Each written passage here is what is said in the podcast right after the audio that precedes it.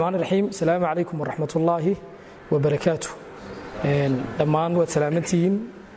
Kuna soo dhowaada ogaal kulankii saddexiy tobnaad. Insha allah intaynaan barnaamijkeennan caawa ugu gudagelin. Waxaynu ku bilaabannaa aayaadka qur'aanka kariimka oo inoo akhri doono walaalkeen farxaan habane waidaa quriya alqur'aanu fastabicuu lahu waansituu lacalakum turxamuun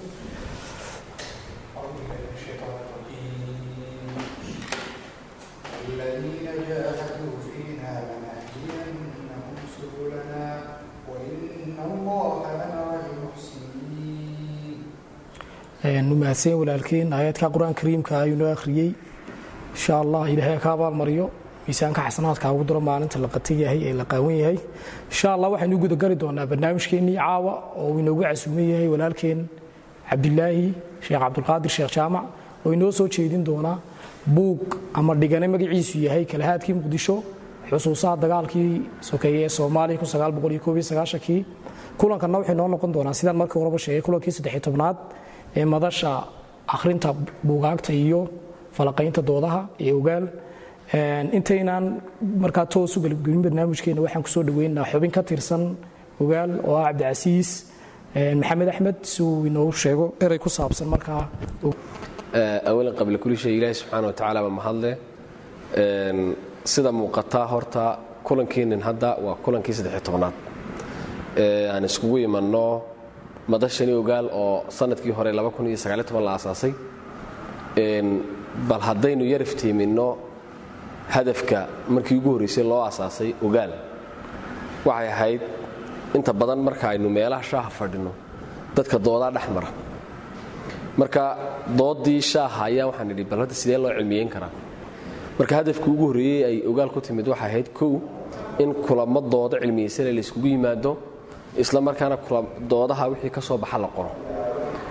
Waa ahdaaftii marka hore aan ku bilownay iyadoo taas ay weheliyaan in bal bil kasta buug la akhriyo oo xubnaha ogaal iyo cid kasta oo doonaysa inay qayb ka noqoto waxa weeyaan buugga dhiganaha ee la akhriyayo bisha dadka loo qaybiyo la soo akhriyo deetana laga doodo. Qoraaga laftirkiisa buugga akhriyey ee soo qoray ee wakhtiga badan geliyey in wixii kritiiga lagu samayn kara lagu sameeyo wixii hoos loo soo daadego oo ah buug baynu akhrinay. Buugga nolosheenna muxuu maxaan ka bedeli karaa? Iyadoo hadafku ogaalgu mar walba yahay in buugta la akhriyaya ay noqdaan wax qofka madasha ka soo qayb galaya wax badan ka faa'iidaysto. Qofka akhriyaya laftirkiisuna uu maxaanay faa'iido badan uu ka helo. Waxaan runtii aad ugu mahadnaqayaa xarunta hema bookis oo iyadu inta badan muddooyinkii u dambeeyey oo dhan si hagar la'aana u garab taagnayd kulamadan aynu iskugu imanayno. Waxaa kaloo iyaguna aan doonaya inaan mahadnaq ballaaran siiyo avalids oo cabdilaahi nagala joogo oo iyagana runtii aan hadafka ay ka shaqaynayaan iyo kana ka shaqaynanaya isku baal ay ku duulayaan oo iyagana runtii wakhtiyada soo socda iyo haddaba aynu maxaadaan leenahay maxaadaanay wada shaqayn aadu aad u fog waxaan doonayaa un hal shay inaan yar dul istaago. Waxaad mooddaa markii hore bilaabaynay baasha sida ku bilaabantay iyo hadda halkaynu soconnaa in waxoogaa aad yar mooddo inayn hoos garaafku u yar socdo. Marka kolley waxaan rajaynaya inaynu intaynu hadda joogtana aynu sii libilaabi doonno. Oynu bal faraska intan in ka dheer qof kastaaba laba qof saddex qofu soo kaxeeyo. Akhriska laftirkiisana aynu dee kordhino. Waayo hadafka halkan aan isku imanayna waxa weeye laba hadaf mid waxa weeyaan kow in jadwal ay kugu samayso ogaal bishii marka la dhaha buuggaasaa la akhriyaya waxay ku siinaysaa in ah fursad inaad xoogga saarto buugga akhriskiisii laba markaynu halkan isugu imanana haddaanad soo akhriyin in qofka jeedinayaad ka faa'iida maxaanay buuggii uu soo koobo wakhtiga geliyey marka waxa weeyaan dalkeennan waxaad mooddaa dooduhu inay yihiin waxaan dadku de macnaa qariibba ah si guud somalilan oo dhan oo doodda loo haysto in haddii la doodo oo ummaduhu ay hadday ummaddu dooddo isku timaadday wax isweydiiso waxa ka soo baxaya dhibaatooyinka jiro oo dhan inaynu taxno kadibna aynu xalalkoogii aan sheegno. Marka annaga waxaad mooddaa dalka si guudba in dooddu ay tahay wax dadku ka cabsadaan.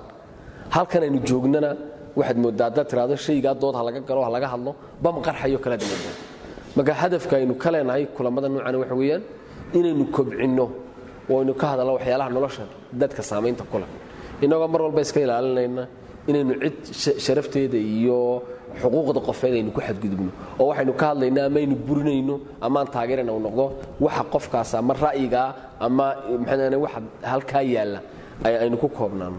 Marka kolley caawa sheekh cabdilaahi baa iskale oo runtii wax badan aynu la wadaagi doonaa. Aad iyo aad ba cabdilaahi iyo inteena kale ka qayb gashay baad u mahadsantihiin assalaamu calaykum waraxmatullahi wabarakatu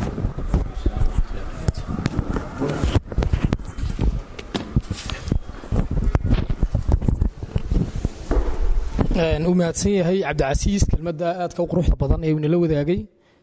Waxa sugnaaba oo aan bilownaa waxa weeyaan qaybtii ugu muhiimsanayd barnaamijkeenan caawa oo ah qaadaadhiga dhiganahan miiska caawa inoo saaran. Oo aan magaciisa ku soo xusnay ama ku sheegnay inuu yahay kalahaadkii muqdisho xusuusaha dagaalkii sokeeye ee soomaaliya kii buuggaasoo markiisii hore lagu qoray luqadda ama afka ingiriisiga oo uu qoray in la idhaahdo yuusuf maxamed xayd balse markii dambe uu turjumay ninka loo yaqaano boodhari warsame cabdilaahi baa buuggan aad u soo shiilay oo si fiican inoogu dhex gali isagaan ku wareejinaa futoosa marka wakhtigeena waxaynu u qaybin doonaa laba qaybood qayb soo jeedinta ah iyo qayb aynu la falgali doonno buugga oo aynu ka keeni doonno weydiimo iyo faallooyin wixii aad ka fahanteen buugga. Markaa si toosa waxaan ugu soo dhaweynayaa caawa soo jeediyeenna cabdilaahi sheekh cabdulqaadir sheekh jaamac sayid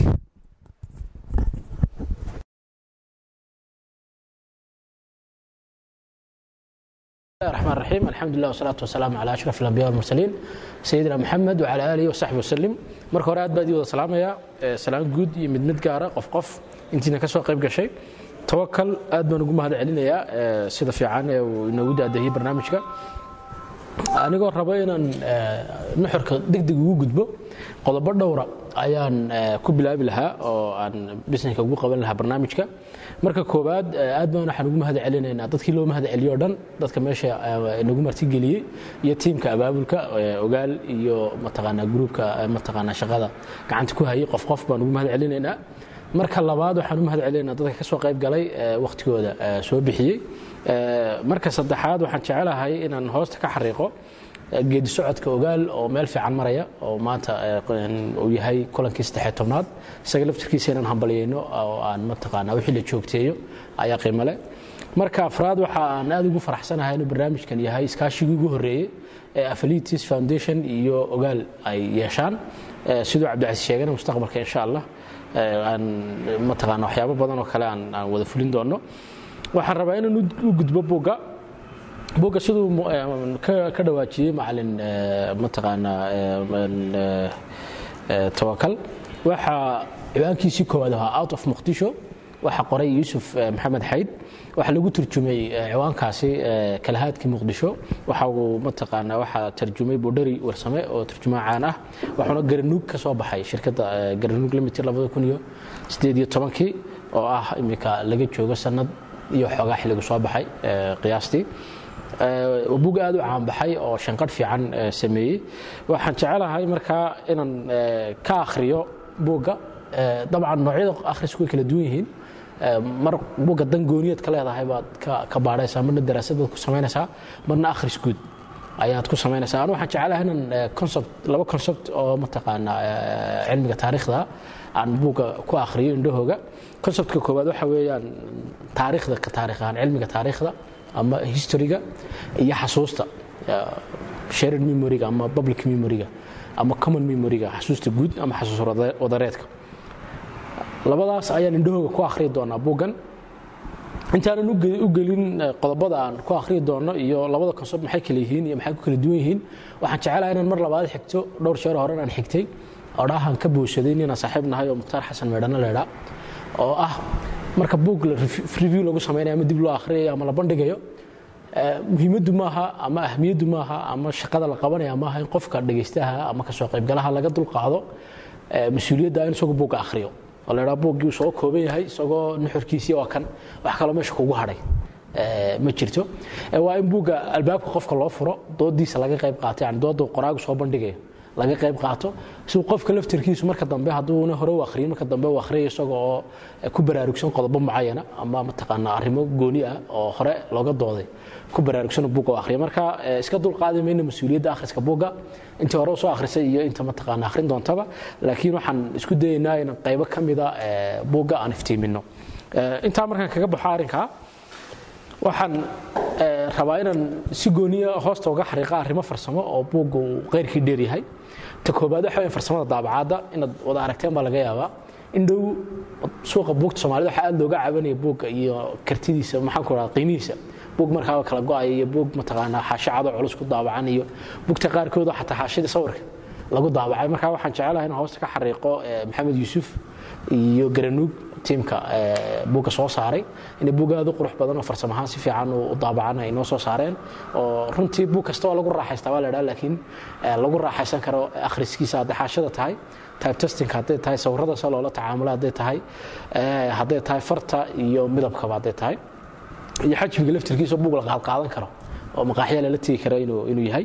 Waxaa kaloon rabaa inaan xariiqo hoosta yani hoosta ka xariiqo tarjumaha laftirkiisa inaan u celino budhari warsame oo nin aad u dadaal badana buug badan oo horena turjumay iminkana qaar badan gacanta ku haya. Budhari warsame waxaan jeclaan hoosta ka xariiqo buuggiisii hore uu turjumay richard borton waxaa aad looga cawday inuu ahaa buug luqad adag soomaali adag ku qoran af adag ku qoran oo culus. Laakiin waxaa jirtay dood awar ma turjumaha dookhaa qaatay inuu luqadda adkeeyo afka buugga adkeeyo mise buuggii hore la soo turjumay laftirkiisa ayaa lahaa dabeecadda adayga oo ingiriis adag ku qornaa. Marka buuggan wuxuu nooga jawaabaya su'aashaas waa boodhari marka hore innaga inaguma adkaynin buugga adkaa. Maanta tarjumada aad u fudud oo salis ah marka yani af carabiga lagu cabir yani aad kaaga degaysa oo fudud soomaaliya ayuu ku turjumay. Wuxuuna raadraacaya umaan filayaa qoraalkii hore ingiriiska iyo buugga laftirkiisa. Qoraalkiisu ma ahayn buug luqad adag ma ahayn intaa markaan ka imaado waxaa isaguna in farsamo ahaan hoosta laga xariiqo mudan farshaxanimada qoraaga. Waxaa caadayskaa qoraa kasta in lagu ammaano inuu farshaxan yahay laakiin qofkii buga akhriyo waa garan karaa farshaxanka maxamed yuusuf iyo sida waxaan u jeedaa yuusuf maxamed iyo sida u qoray. Anu gala haddaba nuxurka mataqaanaa bandhigeenna ama dooda buugga ku saabsan. Qodobka koowaadaan ku bilaabay waxa weeyaan inaan hoosta ka xariiqna amaan isla garanno qofka aan waxu akhriyayna waayo qofka buugga qoray.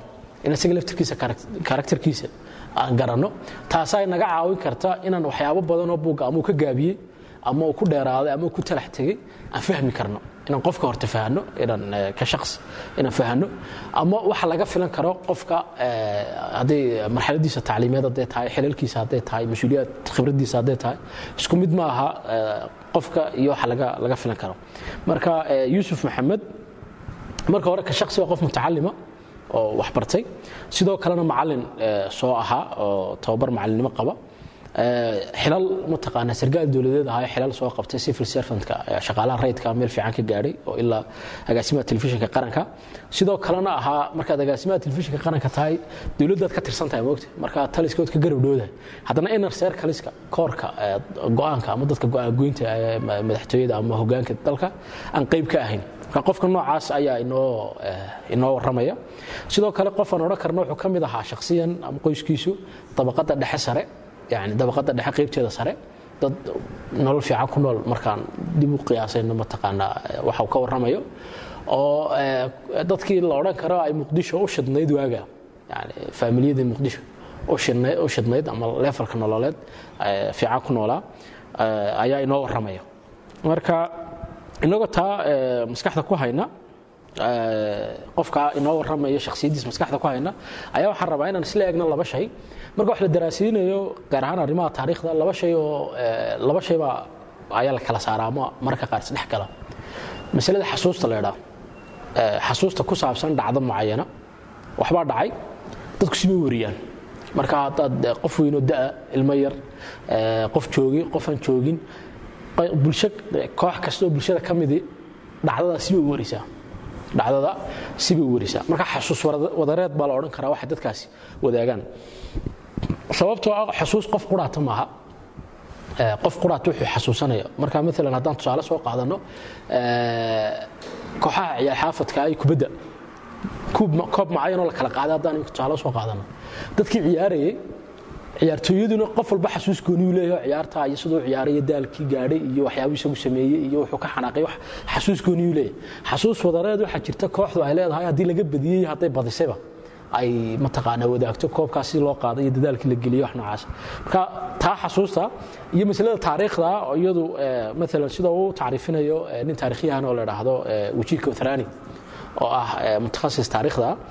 Inuu cilmi dad xirfadlayaali sameeyaan oo manhaj macayana raaca si gooniyana loo maxkamadayn karo yani si gooniyana loo qiimayn kara uu yahay.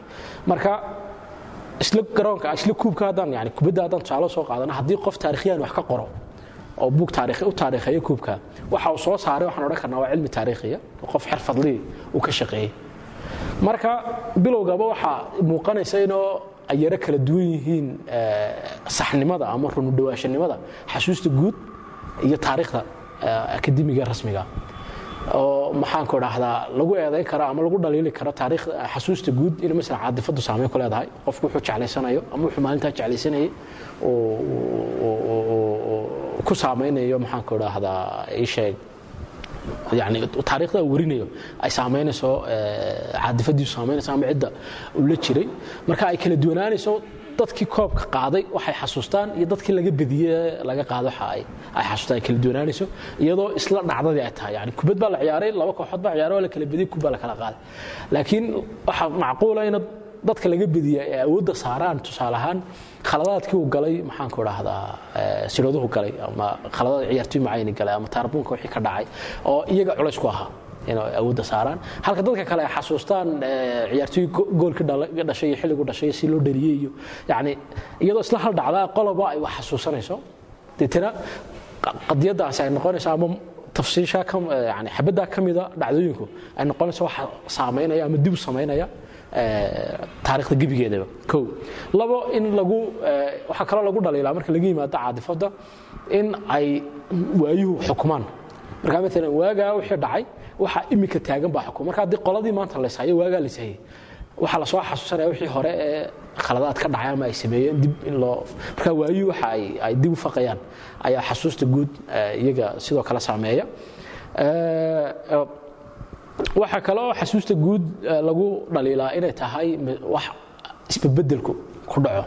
Kolba markaa si loo wariyo. Kolba narrative uu awood yeesho kolba narrative uu awood yeesho laakiin su'aal muhiimaan rabaa in halkan keenno. Haddii intaasiba ay ku eedaysan tahay xasuusta guud oo ah waxyaabaha buuggan uu la la falgalaya mid ka mid a ee taariikhda caadiga ee akademiga ee jaamacadaha lagu sameeyaana maana eeddaa yeelan karin.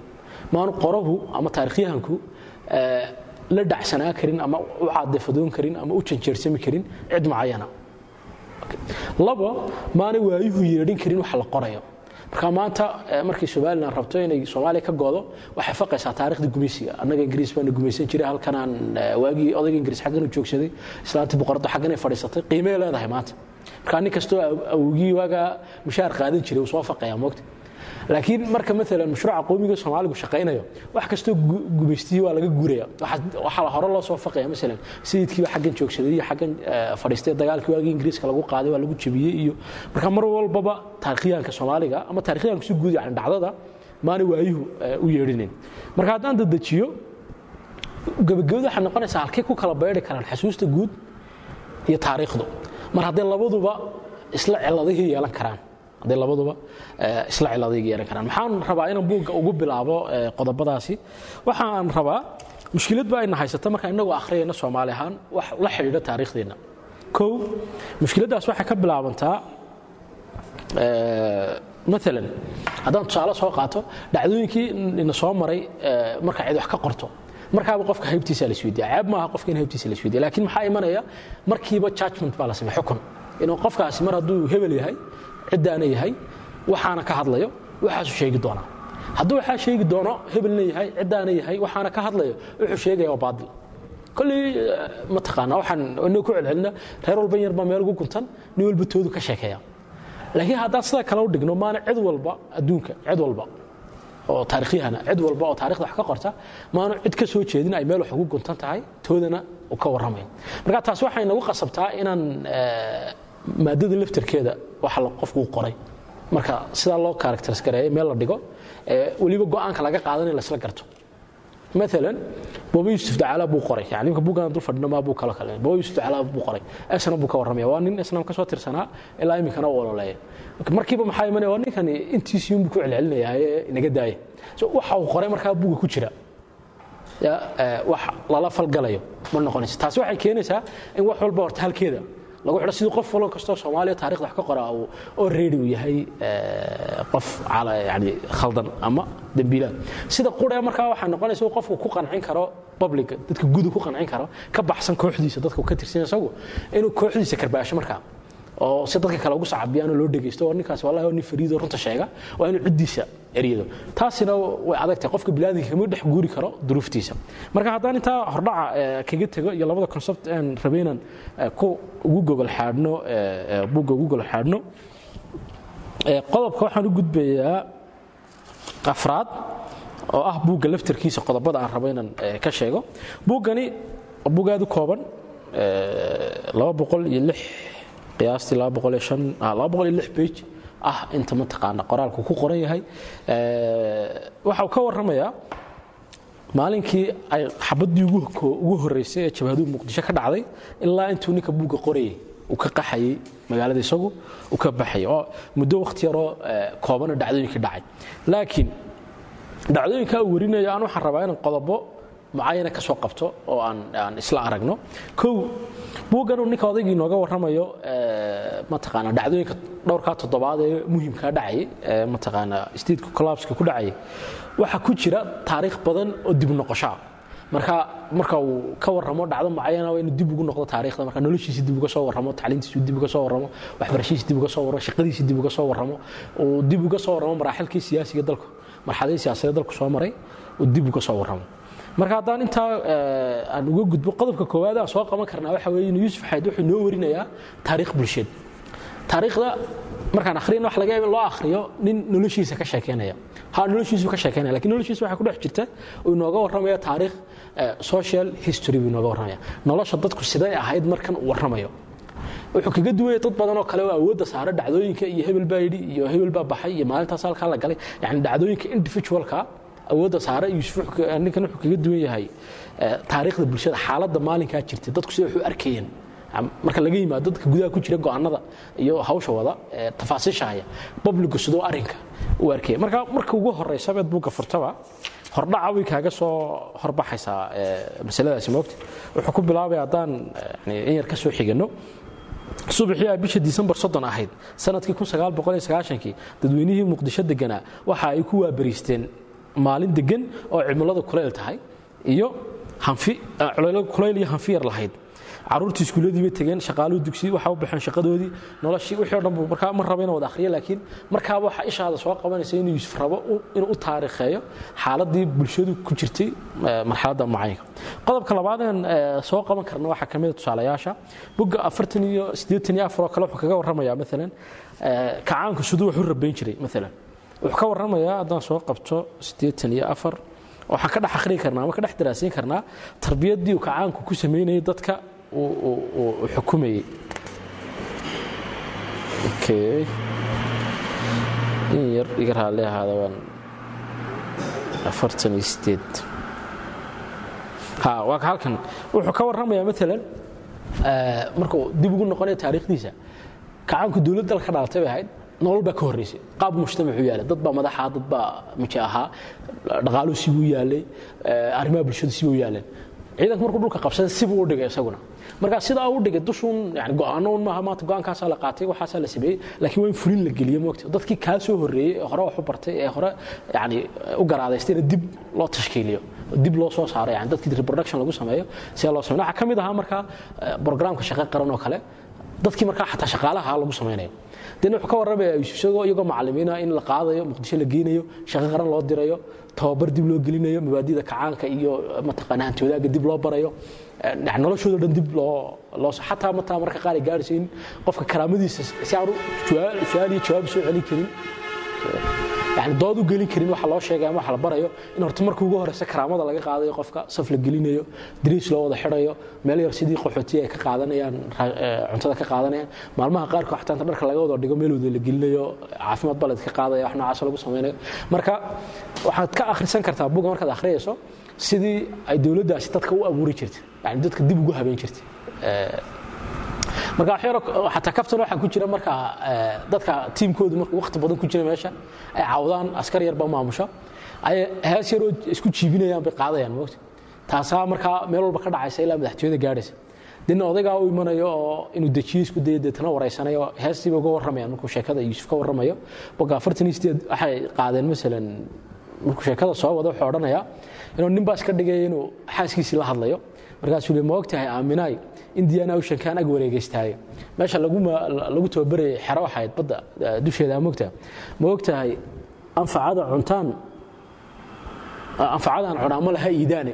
Wax yaroo qallasan baa laygu qabtaa moogta ma ogtahay askari jaahilaan amar ka qaatay. Niman macallimiinaha jaamacadii iskuula dhigay ayaa dee nin mataqaanaa laba derajale ama derajale loo keenay moogta marka wax noocaasay ku gebayeen oo xataa ciqaabo keentay. Ma raba inaan wakhti badan sheekada ku bixiyo laakiin waxaan rabaa inaan tusaale soo qaato qodobka ah inuu u taarikhaynayo tacliinta dadka sida loogu sameynayey dib u habeynta loogu sameynayey markan waxaad ka dhex akhriyi kartaa buugga dabaqadaha mujtamacu sida ay kala ahaayeen waxaa tusaale u ah markuu ka warramayo xilka laga qaaday isaga wasiirka xilka ka qaaday wasiirka warfaafinta ahaa noloshiisa marka uu sawirayo gurigiisa xaafadda uu deganaa gurigiisu siduu yaallay hantida uu ku tasarufayey dabaqadaha mujtamacu sida uu yaallay iyo marka uu ka warramayo qoyskiisa isagoo ku noolaa hooyadii iyo caruurtiisii waxaasi ay deganaayeen. Waxaa kaloo yuusuf u taariikheynaya laga dhex akhriyi karaa buugga si aad barre shakhsiyaddiisa karakterka odayga. Marka laga yimaado siyaasaddiisa qof ahaantiisu muxuu ahaa. Marka waxaa jirta wuxuu ka warramaya xaaladu ka warramaya maray guddi ku jireen buug taariikhda odayga qorayay.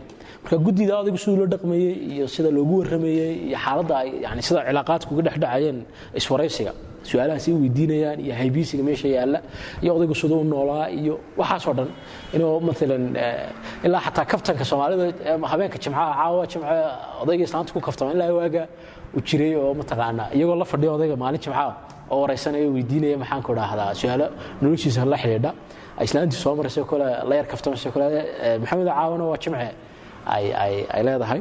Marka mar rabo inaan ku sii fogaado qodobkaana. Qodobka kale wuxuu maxamed yuusuf maxamed si qurux badan u sawiraya magaalo wuxuu ku bilaabay shaqaynaysa moogta hordhaca sanimka akhrina shaqaynaysa oo dadkii iskuulkii iyo shaqadii iyo maxay iyo wax dhididaya wax waxlaaluushaya iyo yani nolol socota maalin kasta nolosha u socoto. Wuxuu markaa inoo sawiraya nolosha ku bilaabay sidee u baaba'day xabad xabad sidee ugu kala daadatay marka wuxuu ka warramaya maalan to the level marka dambe aan una qofka suuqa tegi karin xaafadooda ka bixi karin laanna waa la wada kala baqayaa ciyaal xaafadka marka dambe ay bilaabaan inay ishubeeyaan oo waxay booliska saldhigga booliska soo dhici karaan hub iyo waxa dina dadka ku baadhaan. Maxaan ku idhahdaa marka meel laga qaxaba tuugta soo gasho oo aroorta dambe maalin wuxuu sawiraya aroori booqanaya xaafad diblomaasiyiintu deganaayeen soo marayo. Nolosha u baaba'day iyo se guryaha loo faqday iyo alaabta bannaanka daadsan iyo yani albaabada haawanaya isku dhacaya awal horena marka la hormarayo laga biqi jiray mogta halkan hebel baa deganoo yani aad shanqadha hoos u dhigaysa hadalka si aad u dhaafto mogta ciidankiisa iyo ilaaladiisa. Marka maalan tusaale waxaa ka mida bugga labiyo sagaashan oo kale wuxuu kaga warramayaa. Maalan ha kan labiyo sagaashan isla xaaladda imika sawirnay buu ayuu aan ka warramnay buu sawirayaa si tafaasiilan akhriyaa markii hore rabay laakiin imika waqtigaa yara erinaya moogta qodobada kale maalan aad ka dhex akhriyi karto waxaa ka mid a aad kala soo dhex bixi karto xusuus qorkiisa. Masale aad u la yaab leh kantaroolka warka sida dowladdu u kantarooli karaysa yani stateku siduu u kantarooli karaya informationka mujtamacu helaya wuxuu ka warramayaa jabhadaha oo soo gaadhay jowhar yani magaalada waxay ru jira. Inaanu magaalada caadiga waxba ka warhayn marka noloshu iska socoto oo maxaanku dhahdaa aan waxa magaalada hareeraha ka dhacaya inuu ciidanka halkan soo gaadhay marka inkastuuna ka jawaabin technically se u suurta gashay mujtamac saas kugu xidhan oo ganacsiga socdo oo beeraha wax laga soo geynayo in warka loo kantaroolo oo magaaladu ka warhayn halista ku soo haddana waa arrin aad u la yaab leh sida ay ugu guulaysatay dowladdii meesha maamulaysa inay dadka kala xidhxidho. Dena dadku aanay warka dalka qaybihiisa kale ka dhacaya aanay helin. Waanu soo noqon doonaa qodobkaas sababta waxyaabaha uu ku fashilmay faahfaahintooda waxaa kaloo maalan yuusuf si yaro qurux badan noogu warramaya isbedeladii ugu dambeeyey ee markii dowladdu sii dhacayso ka gaadhsiiska bilo tanna wax ku hagaaga markaa hebel casilo hebel magacaabo oo kan oo xukuumadda bedel oo nimankan xidhxidho kuwan soo daayo.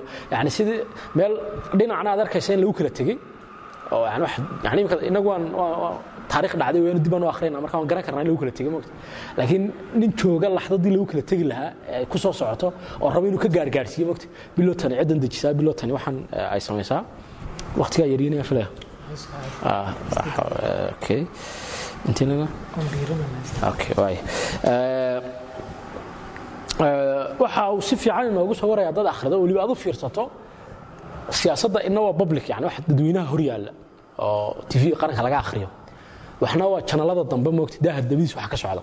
Marka yuusuf xayd isagoon ahayn shakhsiyad gudaha systemka ku jirta oo dadka go'aanka gooya ka mida haddana wuxuu si aad u dhow u sawirayaa aan aad uga warhayay in badan ka shaqaynayay magaalada ku noolaa xidhiidho badan leh. Eh, wuxuu aad inoogu sawiri karayaa oo meelaha qaarkood si fiican uga akhriyaysaa daaha dabadiisa maxaa ka socday dowladdu ay wadeen? Ama dad shakhsiyaad dowladda ka midi ay wadeen. Ama mataqaanaa markii dambe ee layskula soo galay magaalada laysla soo galay jabhaduhu soo galeen.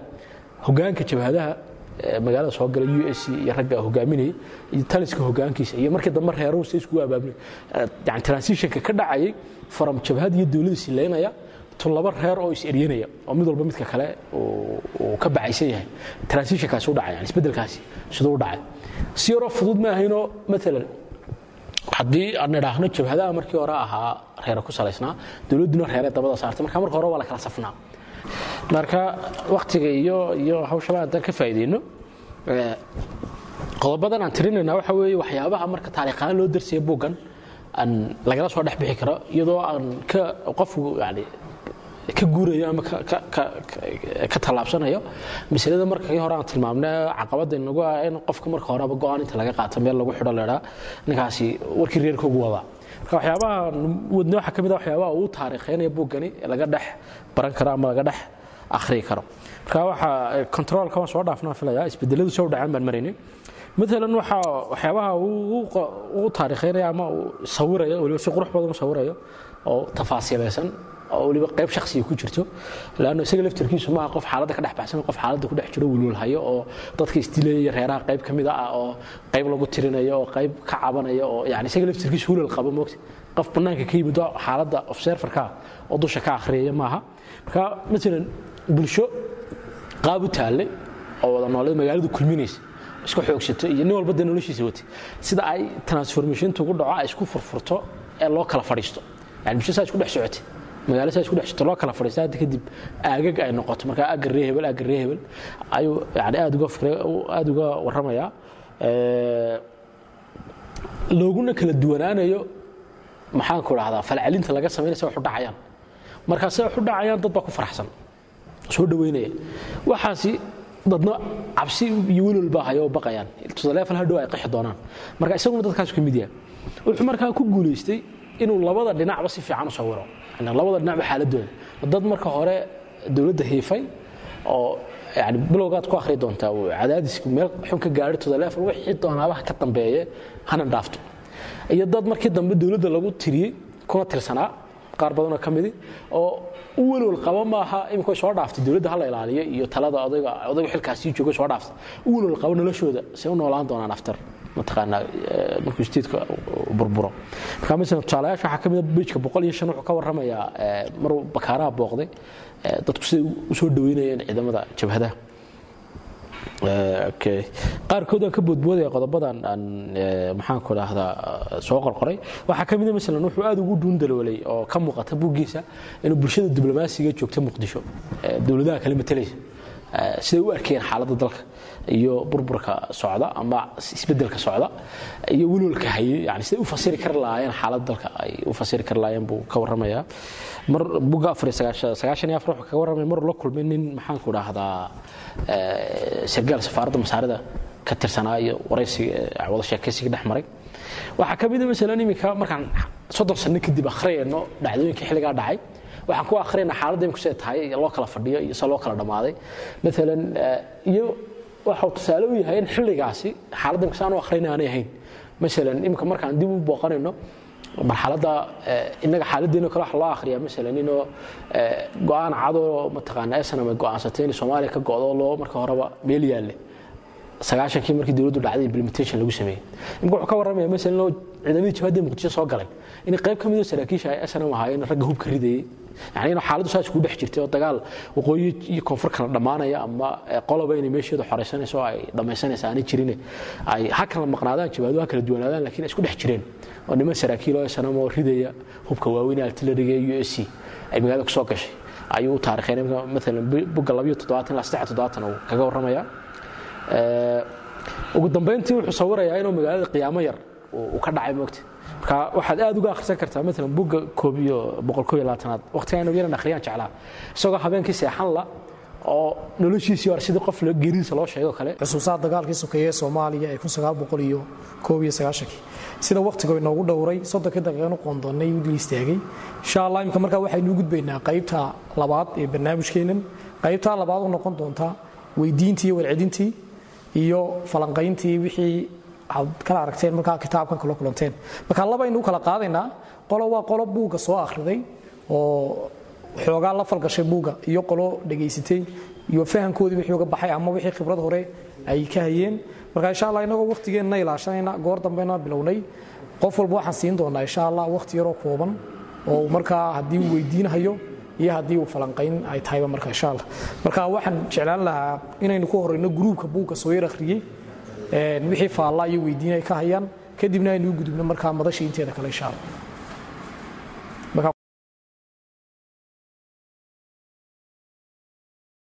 Uu ku jiray guddi loo xil saaray inay yani wax ka qoraan taariikhdii madaxweynaha oo ku jiray. Marka uu ka warramayo wuxuu ka warramaya in ninkaasi uma ahayn nin hanti jecel uusan ahayn nin yani qudhiisu dee aan qayb ka ahayn boobkii waddanka ka dhacayay duruufaha ku shaqayn jiray geed hoostiibu miisay dhigan jiray. Xataa wuxuu ka sheekaynaya maruu galay gurigiisa in daah ay xoob caara ku samaysantay ujeeda ka arkay laakiin uusan rabin in marka laga tago labadii gobol ee waqooyi koonfur in lagu soo daro saddexdii kale maqnaa talada soomaaliya oo dhan wuxuu rabay inaysan cidina kaga daba marka shakhsiyadda digtiirka ahayd iyo go'aanadii uu qaatay ee aad garanaysaan ay ka mid ahaayeen yani duqayntii magaalada hargeysa. Yani dad baraaga loo sameeyey gaalkacyo. Waxaa ka mid ahaa dagaalkii oo soomaalida curdina yani ay ku gashay waxyaabahaas o dhan markaad eegto waxaad garanaysaa yani inuu ahaa qof yani digitarnimadu ay meel sare ka gaadhay. Waxyaaba baa jiray gacanka uu qabtay oo sax ahaa oo isaguba uu sheegayo mashruucyadii waaweynaa waxaad celintii balcad yani iyo konton warshadood oo warshado yaryara oo tii duleedka berbere ku taalay ay ku jirtay. Laakiin marka loo barbar dhigo yani in dadkan la sunduleeyo oo madaxa lagaga taagnaado waxaasoo dhan waxaad arkaysaa inayna waxba ahayn talabaad inaan buugka ka fahmay wax weeyaan yani sida ruuxda qabyaaladdu ay soomaalida nafahu ugu weyn tahay. Oo waxaad garanaysaa jabhado dhan oo waddanka la rabay inay wax ka qabtaan. Anigu ma filaya in xidhiidhu ka dhexeeya jabhadaha sida cabdillaahi yuusufna buuggiisa halgan hagadaamo ku cusayo ma jirin xidhiidh ka dhexeeya jabhadaha oo mar ay isku dayeen in axmed siraanyo oo guddoomiyihii snm ahaa ay heshiis kala iyagii s s d f si loo yani waddanka layskugu dhex laaqo oo maalinba gobolo la xoreeyo waxaad arkaysaa in soomaalida yani u s c iyo s s d f iyo snm wax xidhiidho ka dhexeeyaysan jirin. Sidoo kalena yani qabiilada ay ka tirsanaayeen jabhadahaas matalayin maaha qabiil kale oo ku taraxay inuusan jirin. Markaas jabhadaha qudhoodu waxaan ka fahmay buuga dhexdiisa inaysan lahayn wax yani nidaama ama platformha ay rabaan. Hadhow markay maxamed siyaad barkimo ka tuuraan inay ku maamulaan. Waxa keliya rabayn ahay ninkaas yani cayrsada marka ninkii cayrsadayna kadibna qabaa'ilkii uu ka soo jeeday isagu. Ama aad arkaysa sida yani loola dhaqmay soomaaliya arrinta saddexaadeen anigu ka fahmay buugga markaan si fiican u akhriyey waxaa ka mid a yani in dadka la dhiso inay wax kasta ka muhiimsan tahay yani maxamed siyaad bar wuxuu soo waariday xukun soomaalida aanay aqoon oo ahayd scientific community wixii loodhan jiray oo dee aad arkayso maxamed yuusuf xayqudiisu ku jiray yani dad inta la qaaqaawiyey dabadooda la baadhayo oo uu leeyahay dad seediyaal iyo iyo gacal iyo xigaala baa ku jiray meeshaasoo inta dhammaantood cawradooda la qabiyo laga eegay marka soomaaliduna waxaa sida caadi ah dee may aqoonin oo ma ahayn wax ay soomaalidu fahmayaan.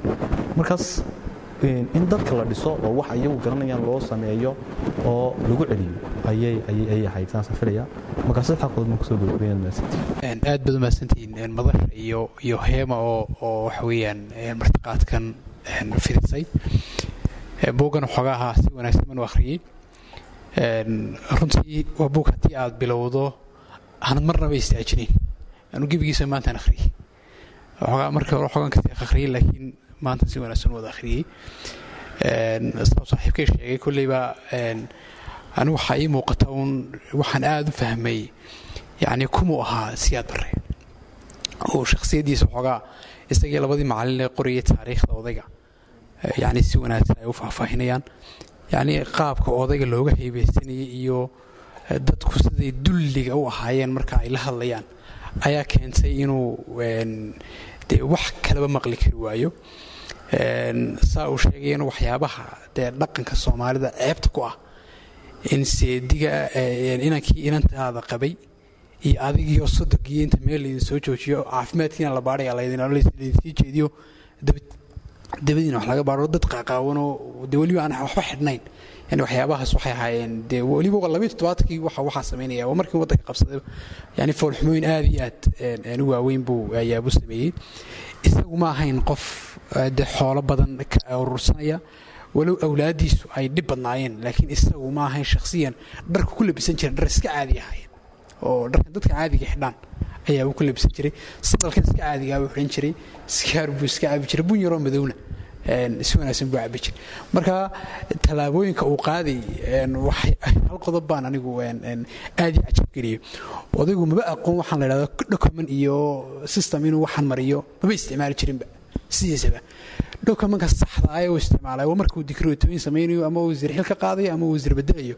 Unbaa la isticmaalayay dee wax saxa oo waxwe laakiin waddanku wuxuu ku socday inuu aragtidiisa yani halkaa soo fadhiisanaya yani siduu doono ayaabuu wayna waday. Taasna waxaa ka dhalanaysaa in uu inta wadooyinkan iyo waxyaabaha la qaqabanay laga gudbo in dadka la dhisaa ka muhiimsan in waxa weeyaan infrastructure iyo magaalooyinkan iyo waxaan lagu mashquulo waxyaabaha uu qabtay de cajiibka waxaa ka mid a dee waddadii xamar ka bilaabantay boormay soo gaadhayso wax yar jirtay sidoo kale dee afkii soomaaligu qoray waxyaabo aad u waaweyn baa la qabtay laakiin dhibta la geystay ayaa ayaa ka badan.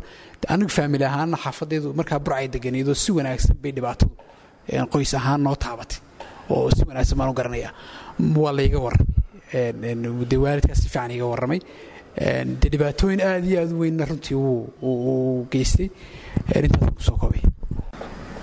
Bismillahi raxmaan raxiim buuga waan akhriyey buuga yuusuf xayd maadaamuu ahaa dadka ugu xogogaalsan maadaamuu ahaa dadkii nidaamka ka soo shaqeeyey wuxa uu aad noo tusay. Horta muqdisho yay ahayd wixii ka horeeyey yaa deganaa.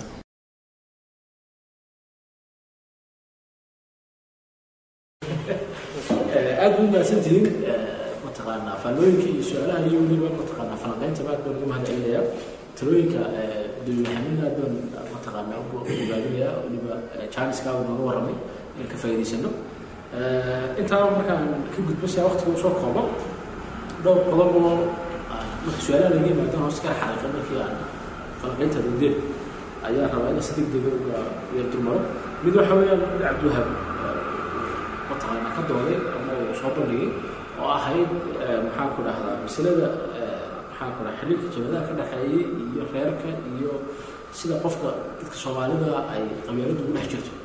Anugu dadka badankooda taawan kaga doonaa islaahay cagsigaan anugu aaminsanahay bulshada soomaalida qabyaalaystayaal ma aha iliidka soomaalida qabyaalaystayaal yani dad markaan saacayno shaha wada cabayno ninka badooda ciyaarayna wax kala amahanayna kala guursanayna wax wada baranayno ninka saaxiibkaabaad ku tiirsan tahay inaad yarkaa kuma tiirsanino markaad baahi ku qabato saaxiibkaad xasuutaa saaxiibkaad shaxaadaa saaxiibkaad xasiisaa saaxiibkaad ka war haysaa yani warkiisa haysaa laakiin inaad yarkaaga labada warkiisa ma haysid marka dhaqankeedna caadiga qof ahaan hebel hebel markaa taad suuqa socotad boorma hargeysa meel walba marayso matiid qabyaalaysa dadka ma kala socdo kaad isfahantaan aad isku danta tihiin baad wada socotaan. Laakiin marka laga tego individual levelka yani qofka shaksiga marka laga tego ee ay collective noqoto. Political systemku siduu yaalla nidaamka siyaasiga siduu yaalla. Adiga khaanida lagu geliyo reer yani adiga lagama tala weydiinaya marka marka la ishayo ee reer la ishayaan la is-eriyanayo eliidkus yani wax la isku erina tala la kala qaadaya kursiga la kala qaadanaya soo manfaacad toosoo adiga iyo adiga iyo lama kala qaadanaya waxa la kala qaadanaya magac iyo santaag iyo sheeke iyo wax maqaaxida lagaga kaftamo iyo perception iyo rag kooban oo manfaacad toosa helaya waa inay markaa iyagaas abuuraya mujtamaca khaanada kala geliyaan markaa markay baashu challenge gaadha yani markay challenge gaadha las cariyo yaa badan yaa badan yaa magaalada leh yaa ku soo horreeyey yaa xildhibaan soo saari kara yani marka mujtamaca la cariyo ayay dadku kala saftaan markaa xagga kale ka socotaa mud maalan tusaale kooban maxaan ku idhaahdaa doorashooyinka ugu mataqaana ugu qabyaalada badan leh oo doorashooyinka golaha deegaanka. Madaxtooyada maaha sababto ah waa isla soo degaan raggii siriina isla soo dega isla soo dega toddobaaleefalana xildhibaanka golaha deegaanka isku qabsado mar kor loo baxana waa la yaro kala nafisaa markaa waxaan is leeyahay vice versa dadka maaha waa systemka wey dadka maaha waxa weeye eliitka wey marka iyagu kala bixi kari waayaan yani tusaale marka jabhada kale markaan isticmaalayno maxaa ku kalifaya nin imika taliska ka soo doostay oo askari ahaa oo jarnaal ahaa oo dowladda ajnabiga ka haysta taageero inuu nimadu adeerku yaha oo ursado sheekh oo kale marka ka warramaya oo u tegayo mulkista raggii la socday la soo baxsado oo dhan inqilaab fashimo la soo baxsado iskaga tegaya intuu adeerku u yahay ay ku xaysan waxay og yihiin inaan qofku karin bulshada ilaa uu isku in la dhaqan qaybsado inaa uu ka dhigo codka codka reer hebelsaad ku heli kartaa waa inaad reer hebel kale ku helayso haddii laga baxo yani haddii laga dhex baxo qaacidada ay noo dhigeen liidku noo dhigay dadka codka ma heli karaan. Maxaad kale ku qancin kartaa dadka ninkaaga xildhibaanka odayga madaxweynaha maxaad kale dadka u sheegi kartaa hadiyo tiraa meesha? Aniga ani waxba haga qabanine dadka iska soo dhex muujiya. Marka taas mushkilad bay nagu haysaa marka arrinkaasa lagu hoos yar xariiqo. Labo masale aad bay ugu aad akhyaarta uga hadasho waxaa jirta maxay muhiim inoogu tahay inaan buugta noocan akhrino sida maxamed jeedo kale non fictionka weliba nolosheena la xidhiidha xaaladda buuggani ka warramayo buwaag badan kale ka warramayso taariikh badan ka warramayso noloshaa dhimka ku nool lahay wixii abuuray weeye. Noloshaa ku nool lahay yani go'aanada gaadheen iyo qaabad waxu dhigeen baa inaga imka nolosheena xadida saan adduunka wax la qaybsan karno waxbarashada caafimaadka yani servicekaad ku noolashahay dariiqyada waxbarashadaad hesho dhaqaalaha shaqadaad hesho maalan isbeddelka ugu weyn ee ay abuureen nimankii mataqaana mataqaa taliska riday isbeddelka ugu weyn ee abuureen waxa isbeddel dhaqaale maaha isbeddel jirta inoo ay ka soo naga soo saareen mujtamac dhulka dowladdu leedahay oo markaad dhul u baahato aad musuqmaasuq u baahato aad heli karto haddaad ku ganacsanaysa dad dhisanaysa shaqada tacliinta iyo caafimaadka ay bilaash yihiin shaqadana ay dowladdu ku khasbantahay inay ku shaqo geliso. Marka qaar haba ahaato shaqo hodhadhooyo yani shaar qof lagu siinayo. Laakiin yani nidaam saa u yaalla qofku inuu isagu isu soo saaro inta dambe noloshaada qoyskaaga waxa ay ku taalo noloshu ay aad u jaban tahay. Inay naga soo saareen inay soo geliyeen meel dhulku iib yahay waxbarashadu ay lacag tahay caafimaadku lacag yahay istil cashuurtiina lagaga qaaday isbeddelka dhaqaale abuureen cashuurta dowladdu qaadi jirtay waa la qaadaa xaqii dowladdu lahaydna way way leedahay laakiin noloshaada caadi waxba iska bedel marka inaan inagu akhrino bugaagta waxay faa'iidayn noogu tahay nolosheeda maxaasan ka dhigay aan dib u waxaa labadii su'aalood ka jawaabo inta kale aan iskaga waa iskaga tegi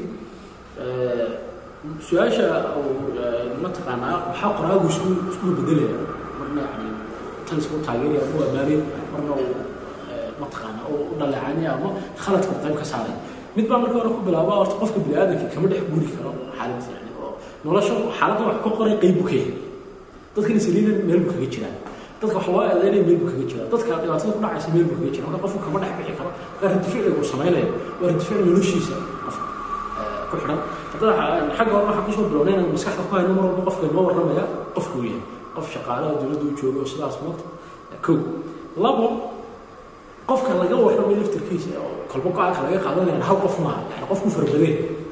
Waxaa la qofku inta dad u yaqaano weeye. Marka haddaad qofaa ka fadhiyaan aqaano qof ma soo aqaano. Marka qof waxaa laga yaabaa inuu yaqaano macalin qof u yaqaano waalid qof ka qofku kula dhaqanto maaha inaad lawejiino tahay laakiin qofba xaalad baa midaysan marka qofkan odayga laftarkiisa siyaada ma taliska kolba go'aanka laga qaadanaya hal maaha oo wax fara badan. Mar waa kii mataqaanaa caafimaadkii waxbarashada bilaashkaa waday. Markaa waa lagu faraxsan yahay. Mar waa kii dadka xidhiga karbaashaya waa la dhibsanayaa mar waa kii ninkan yuusufii xertiisa intuu qaawiyey meel geliyey waa codad baa loo hayaa. Mar waa kan dadka laynaya. Waa mushkilad. Mar waa kan dowladdii iyo maamulkii iyo haya ee jabhadaha dhaama. Yani mar walba waa uu farabaday marka isbeddelka waxaa keenaya ciddan la falgalayo laftarkeedu inay fara badan tahay ugu dambeyntii su'aasha ugu dambeeya xasuusta iyo xasuusta guud iyo taariikhda waa lu soo socday waxaa ku bilowday mar haddaa xasuusta guud mashaakilka haddaa taariikhda laftarkeedu leedahay yani haddii caadifada geli karto qofka taarikhyankana caadifada geli karta haddii xaaladda imka taagan ay yeedhinayso waxaa laga taariikhda faqaya xasuusta guud waxaa la xasuusanaya taasaa yeedhinaysa waxaa la qoraya taarikhaana taasaa yeedhanaysa marka waxa kuna ama waxa ugu muhiimsan ku kala duwan waxa weeye taariikhda waa la maxkamadayn karaa taariikhda waa la sidee loo maxkamadayn karaa qofku markuu taariikhyahan yahay waa inuu inuu methodska taariikhda isticmaalo documentiisa isticmaalo. Waa inuu isticmaalo yani qaabka u drive kara ninka qofku markuu meesha joogo waxa qor qorayo wixii maskaxdiisa ku jiro kaaga warramaya laakiin qofka taariikhyahanku inuu waxa maskaxda ku jira ama looga warramay ama uu ogyahay ogyahay waa inuu u daliil raadiyo waa inuu u caddayn raadiyo. Marka ama caddayn loo jiro ha noqoto macluumaadkaas ku geegeeyo ama caddayn waraaqa ha noqoto dokumentiya raadiyo ama caddayn ra'yi urino intaasoo boqoloo qof hawsha ku lahaayo dhinacyada badan ka eegaya ha u raadiyo. Marka taasaa ay taariikhdu kaga awood badan tahay xasuusta guud. Laakiin xasuusta guud waxay kaga awood badan tahay. Xasuusta guud bilaash kuma noqoto markay cid cid necab tahay nacaybku bilaash kuma dhasho. Markay cid cid jeceshaana jacaylku bilaash kuma dhasho. Marka cidda taliska nacab bilaash kuma naco cidda jabhadaha nacabna bilaash kuma naco waxyaabo dhacay oo dadkana ay experience feras ahaan yani taari tajribe ay mareen ayaa ku keentay inay saan u xasuustaan. Marka marku yuusuf waxay xasuusanaya inuu muqdisho ka qaxayaan reerkooda la erinayo mataqaan waa wuxuu maray weeye. Dadka kale soo dhaweynaya jabhaduuna inay u farxaan oo canaha u shubaan u heesaan waxay hore u soo mareen baa xukumay. Marka ma ma ma kala duwan ta markaan ku soo gabagabeynaya waxa weeye innaga mushkiladdiina haysataa ma aha inoo taariikhdana ka been sheegno xasuustana ka been sheegno labada basharka kala midna intuu basharku ka been sheegno waa ka been sheegnaa intuu basharku ka run sheegno waa ka run sheegnaa laakiin waxaan ku kala duwanay in la isku daayo yani adigu waxaad xasuusatay anigu waxaan xasuustay inaan ka wada hadlo no ay sidii waxa arrimaha jimid yani reer hebel xasuustooda guud inaad farageliso tira aniga waa xasuusudo aha no xaalad dad kale maxaa kuu geenaya horta marka qolo walba ay intoodu concentrated noqoto iyagu isku celceliyaan laakiin aan discussion laga gelin yani dadka laba xasuusooda kala duwan matalan dowladda kacaan ka haysta ama laba xasuusooda kala duwan u s ka haysta ama laba xasuusooda kala duwan siyaad bara shaksiyan ka haysta ama laba inagoo kale yani laba xasuusooda kala duwan islaam ka haysta. Dadkaas inaanay ka sheekaysan oo sidiina dad arrimo kale aad faragelinayso kale ay tahay. No adigana ku saabsan anigana way saabsan waa taariikhdeeda waa taariikhdaada markiina marka inoo aan waxaan aad u dhiirigelin oo la isku furo xasuusaa oo qofka yani kabihiisa gasho oo sida isagu u xasuusanaya isku dayada xasuusta dina markaasaa la isfahmi karaa at least xataa la isku dul qaadan karaa maxaa la isku dul qaadanaya laanoo la isfahmaya inta laakiin la iskaadaynaya waa yaro kibirsan oo noocaas waraa qole waxaan oo cabasho badan arkan oo marta baahidana ka dhamaan laisleeyahay la liidayo xasuusteena guud ama la liidayo taariikhdeena la isfahmi maayo marka intaas ku soo gabagabeynaya aad umadsanta ilaahay baa mahadlayna oo si fiican nagu soo gabagabeeyey kulankeena caawa oo ahaa kii saddex tobnaad marka koowaad marka waxaan mahadnaqay ilaahay marka labaad waxaan mahadnaqay hayma books oo noloshana aadka ku xirbadan siisay. Marka saddexaadna haryartaadka ugu xirbadan ee ka soo qayb gashay. Marka afraadna ogaal ayaan mahadnaqayna iyaguna soo agaasin